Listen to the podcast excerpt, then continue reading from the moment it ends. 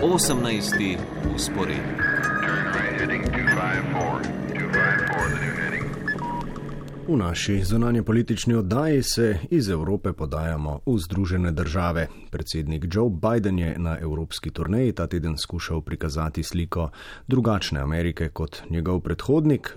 Z našim vašingtonskim dopisnikom Andrejem Stoparjem pa razmišljamo v prvi vrsti o srečanju eh, Biden-Putin v Ženevi, o vtisu, ki sta ga postila predsednika. Eh, govorimo pa tudi o sporočilih evropskim zaveznikom in zbliževanju z Evropsko unijo. Andrej, dober dan. Dobro dan, želim. Pester teden je za tabo, kot uh, za poročevalcem iz Amerike, sem v Evropo. Uh, kako velik dogodek pa so za američane predsednikove poti v tujino? Koliko se o njih govori v Združenih državah, v tem kontekstu odmevata samo Rusija in Putin ali še kak Bidenov obisk? Uh, in ni še konec tega tedna. Ne? Zunanja politika je podaljšek notranje zmeraj, ampak načeloma sta v ameriški zavesti ti sferi zelo ločeni. Eh, zunanja je neprimerno bolj prepuščena predsedniku kot notranja, obenem pa bolj oddaljena od državljana. To je ameriška percepcija, ampak um, tokrat se zdi, kot da so se vse silnice presekale v istih točkah in teme so notranje in zunanje politične hkrati in čeprav bi vrhunsko srečanje predsednika s pomembnim tujim državnikom v vsakem primeru pokrivali, to niso tako pogosti dogodki, konec koncev, mm, je bila tokrat pozornost še večja. Bidenovi kritiki so namreč menili, da predsednik s tem s ponudbo srečanja daje Vladimirju Putinu neupravičeno veljavo in veter v krila. Predvsej nenavadno je spremljati komentar, komentarje privržencev Donalda Trumpa, recimo o Bidenovi šibkosti, potem ko je Trump leta 2018 v Helsinkih pritegnil Putinu in diskreditiral ameriške obveščevalce ali pa ali je res, da Rusi v Afganistanu podkupujejo talibane, da so kar se da natančni pri izbiri tarč, torej ameriških vojakov, vprašal kar Putina in ko je ta rekel, da ne, Trump naj ne bi imel razloga, da bi dvomil v Putinove besede. No, česa, kaj takega je bilo do takrat popolnoma nepredstavljivo, da bi ameriški predsednik javno izjavljal, ampak standardi so se očitno spremenili. Kar pa se ni spremenilo, je pa specifični pogled na Ameriko in na svet in temu primerno razumevanje dogajanja. Ne?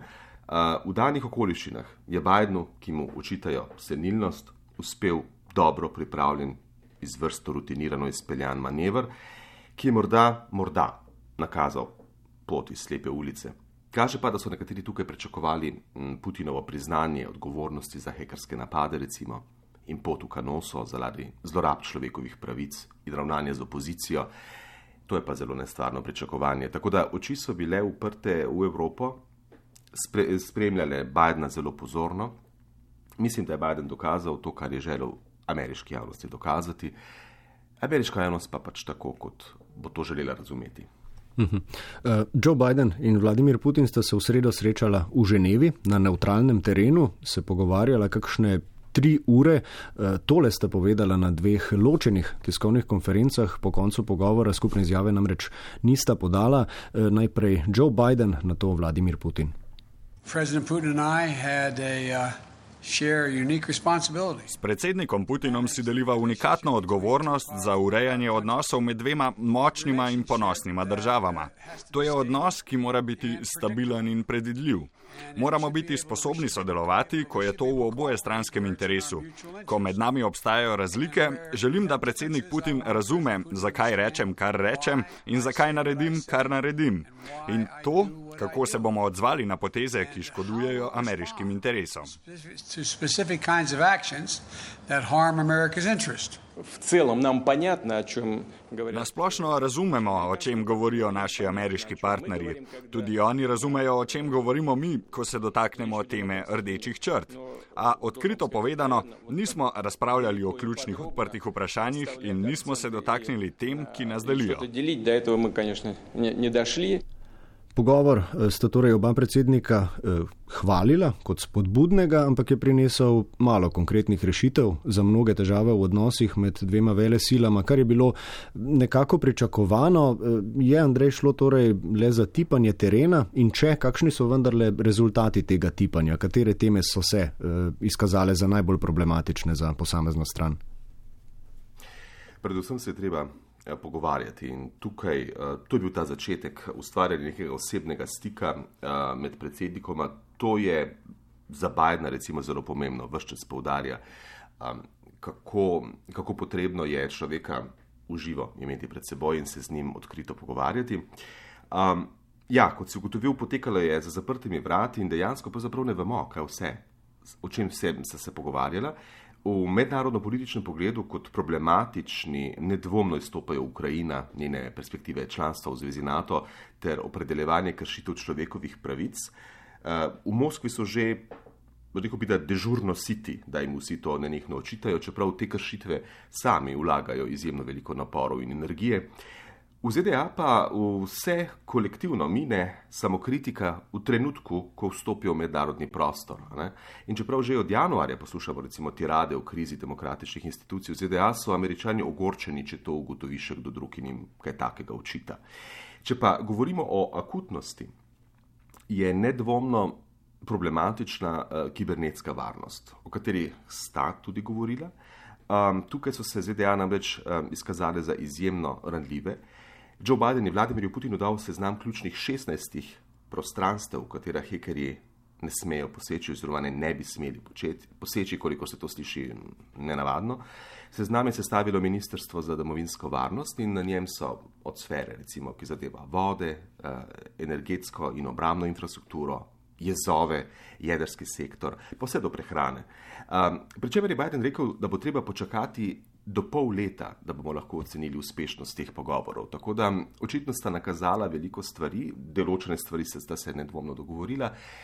Zdaj se bo pa počasi kazalo to, ali uh, sta karkoli od tega začeli oziroma boste začeli uresničevati. Uh -huh. ja, tu imamo spet opravka s tem klasičnim ameriško-ruskim ping-pongom. Uh, Joe Biden je po srečanju rekel, da se bodo američani odzvali, če Rusija ne bo ukrepala po njihovih pričakovanjih na področju človekovih pravic, kibernetske varnosti in še nekaterih drugih področjih. Ampak odzvali kako? Bodo po tvojem Rusi preizkušali meje, dokam lahko gredo in a bo Biden v tem primeru res primoran ukrepati? Rekl bi, da Rusi vse čas preizkušajo meje. Vprašanje je samo, zakaj američani, kljub Putinovi oceni, recimo, da naj bi večina kibernetskih napadov prišle iz ameriške sfere, do zdaj niso storili nič otipljivega. Morda živim v ameriškem informacijskem balonu in me boš popravil, ampak ne spomnim se primerljivega napada, kot je bil tisti lanski na ameriške državne agencije ali pa letošnji na Colonial Pipeline ali mestno predelovalno verigo JBS in bi odgovornost, recimo, v podobnih napadih drugje pripisali američanom. Ne spomnim se tega. In seveda bo Biden primoran odgovoriti. K temu ga bodo prisilili tako razmere, kot pričakovanja domače javnosti in kritika uh, nasprotnikov političnih tukaj v ZDA. Ampak kako bo to storil, to pa ostaje odprto vprašanje. In uh, glede tega Biden um, ni bil konkreten, samo nakazal je, da Amerika v kibernetskem prostoru lahko stori zelo veliko. Mhm. bomo videli. Tu je odprtih še nekaj diplomatskih eh, front, no, eh, čeprav ta vojna metaforika morda ne ustreza uh, v vseh primerjih. Uh, Joe Biden se, kot rečeno, na svoji prvi poti v tujino ni srečal samo z ruskim predsednikom, pogovarjal se je tudi z drugimi evropskimi partnerji. Vrh Evropske unije in Združene države je, in Združenih držav je zaznamoval predvsem preboj glede 17-letnega spora o državnih pomočeh za letalska proizvajalca Airbus in Boeing. Andrej, kako pomembna je rešitev tega spora? Lahko iz izjav zaznamo nastajanje nekakšne skupne ameriško-evropske gospodarske fronte proti Kitajski? No, rešitev tega spora je pomembna. To so močne gospodarske teme, ki so razdvajale zavezniški uh, strani. Um, Kar zadeva Airbus in Boeing, gre predvsem za suspens, predvsem za suspens za pet let, um, kot dokončno rešitev tega vprašanja. Suspens pred plačevanjem kazenskih um, dajatov oziroma tarif z obeh strani v višini približno 11 milijard dolarjev in pol.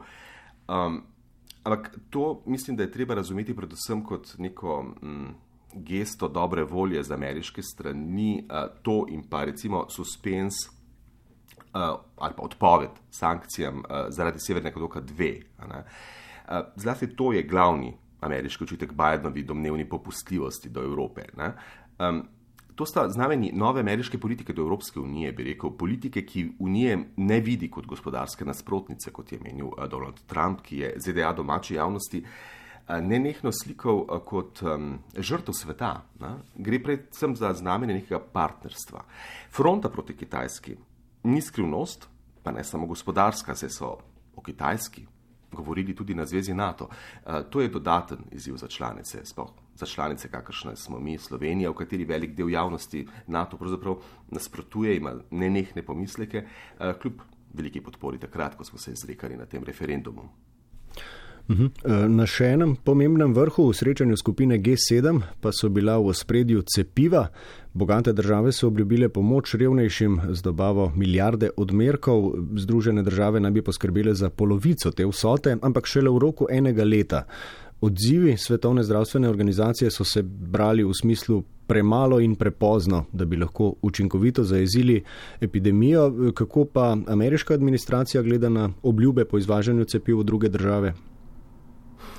Um, rekel bi, da ameriška javnost, recimo, ne, administracija je to ponudila, ne, ampak zelo različno gleda na to. V določenih krogih uh, demokratske stranke podpirajo tudi umik patentov in omogočanje proizvodnje cepiv na tujem. Uh, vsekakor pa podpirajo pomoč tujini. In pri tem je treba izpostaviti vsaj eno okoliščino. Um, ameriška cepiva so bila v nasprotju z dosedanjo prakso razvita z darežljivo podporo države, torej davkoplačevalcev državnega zvezdnega proračuna in na to se sklicujejo podporniki to vrste pomoči, kajti farmacevska industrija s, s temi cepivi ima s temi cepivi tako rekoč čisti zaslužek. Um, pomoč je zato razumljena tudi kot darilo ljudi, ljudem. Ampak seveda je tukaj zelo velika, če ne še večja druga skupina. Um, konzervativci imajo bolj pred očmi prav interese farmacevtske industrije, zaslužek in menijo, da darežljivost dosežki ameriškega znanja postavlja ameriško gospodarstvo v nekonkurenčni položaj in da je to razmetavanje tako rekoč ameriških virov. Zelo različni pogledi. Mhm. E, poglejva proti koncu tega pogovora e, še na domača tla, pravzaprav. Predsednik Biden se je ob robu vrha Zveze NATO in Evropske unije na kratko sestal s številnimi voditelji, med njimi pa ni bilo slovenskega premijeja, čeprav s prihodnjim mesecem prevzemamo predsedovanje Evropski uniji. Kako to? No, glede na to, da se je Biden sestal z baltskimi državami, Slovaško, Črnogoro in številnimi drugimi, ne pa z državo, ki prevzema predsedovanje Evropski uniji, no, um, bi si sam zdaj, če bi delal v mladiki, gotovo besno grizo členke. A, toliko bolj, ker je Slovenija z ZDA v strateškem dialogu, kot pravimo. Mm, kar nekaj ljudi iz Slovenije me sprašuje, ali je Biden zaradi takratnih premijejevih komentarjev izida ameriških volitev zamerljiv politik. Moj odgovor, verjetno bolj kot on sam imajo stališče o tem izdelane njegovi svetovalci in kot sem rekel prej, mednarodna politika in diplomacija sta resni zadevi. In žal si manjše države teže privoščimo nepremišljenosti in spodrsljaje, najslabše pa je, če si zatiskamo oči pred stvarnostjo in potem izvijamo, zvijamo razne interpretacije in jih prilagajamo. Če lahko v svojem svetu, kot smo danes tudi že ugotovili, živijo v Združenih državah Amerike v določeni meri in zelo specifično zrejo na eh, preostali svet, Slovenija tega žal ne more početi, smo premajhni. No, eh, in tudi na to temo, eh, predsednik Biden je prejšnji teden izdal izvršni ukaz za zamrznitev premoženja in prepoved vstopa v Združene države vsem tistim, ki bi prispevali k destabilizaciji položaja na Zahodnem Balkanu. Ne zdi se povsem jasno, eh, na koga naj bi ta grožnja letela in zakaj je Biden ukaz izdal prav zdaj. Je to povezano z zloglasnim non-paperjem? Um, po podpisu tega izvršnega ukaza sem seveda sem naslovil vprašanje na Belo hišo in ta se je obrnila potem na State Department in od, tak, od tam so mi potem sporočili, mhm. hitro poslali odgovor, dva odgovora pravzaprav. Če strnem, um, izvršni ukaz uh, upošteva določila prespanskega sporazuma iz leta 2018 in pa mednarodni rezidualni mehanizem kazenskih sodišč in v prizadevanjih za boj proti korupciji v regiji. To je tudi ena pomembnih tem eh, ZDA zdaj v mednarodnem prostoru, boj proti eh, korupciji, zajema tudi Albanijo. In to je ta novost, to je ta um, poudarek tega um, izvršnega ukaza. Um, Vprašal sem, če je kakorkoli povezano to z novim peperjem, ki je tako razburil javnost v Sloveniji. Um, nisem dobil konkretnega odgovora, ampak ponovitev, uh, da uh, pravzaprav gre za um, širjenje programa sankcij, da lahko zajamejo širši krok škodljive dejavnosti v regiji. Um, ampak še zmeraj, glede na povedano, merijo globje na Balkanu, oziroma predvsem vključujejo vse skupaj tudi Albanijo. Um, je pa res, da če slišimo to dikcijo, m, širijo program sankcij in širši krok škodljive dejavnosti v regiji, je zmeraj vprašanje uh, interpretacije, kaj v danem trenutku lahko interpretirajo na tak način, um, kaj natanko pomeni škodljiva dejavnost.